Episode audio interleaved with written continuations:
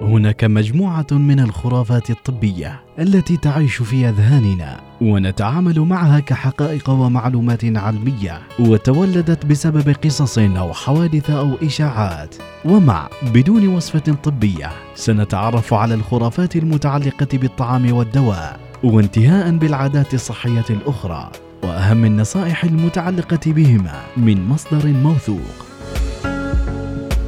سمعت أن شرب الماء مع الليمون يحرق الدهون ويطهر الجسم من السموم. يا ترى صحيح الكلام؟ ويا لك جربت تشرب الماء مع الليمون عشان تتخلص من الدهون. طيب هالمعلومة صحيحة ولا لا؟ خلونا نتعرف على التفاصيل. بدون وصفة طبية مع سميرة الفطيسية. عادة بدت بالانتشار عند الكثير من الناس وخاصة عند النساء وهي شرب الماء المنقوع بالليمون صباحاً. فإن كانوا يفعلون ذلك للحصول على فوائد الليمون فإنهم مصيبون جدا.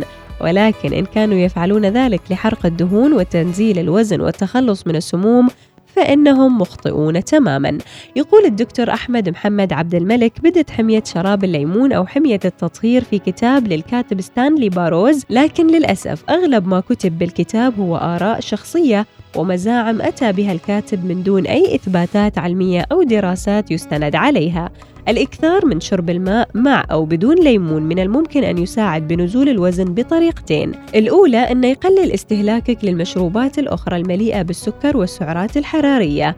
والثانية يملأ بطنك فتحس بالشبع. وينتهي الموضوع هنا. وهل صحيح أن الليمون يطهر الجسم من السموم؟ صحيح أن الليمون يحتوي على حمض الستريك لكن معدتك تحتوي على حمض الهيدروكلوريك مهمته قتل أي ميكروب يدخل المعدة. وحمض الهيدروكلوريك أقوى بكثير من حمض الستريك الموجود في الليمون. والآن عندما تقارن حمض الستريك بحمض الهيدروكلوريك كأنك تقارن سيارة فراري إيطالية بسيارة صينية رخيصة. أو ساعة رولكس بساعة رخيصة بلاستيكية. وهنا لا تصح ولا تستقيم المقارنة أبدا.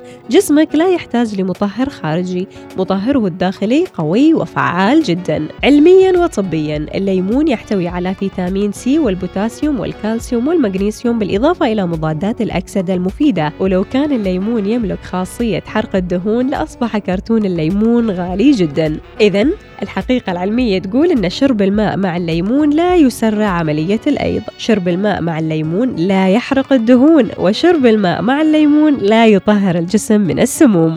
هذه معلومتنا لليوم مستمعينا الله يحفظكم يا رب ومع ألف سلامة. بدون وصفة طبية مع سميرة الفطيسية يأتيكم في الأوقات التالية التاسعة وخمس دقائق صباحا الرابعة وخمس دقائق عصرا السابعة وخمس وثلاثين دقيقة مساء الثانية وخمس وعشرين دقيقة صباحا.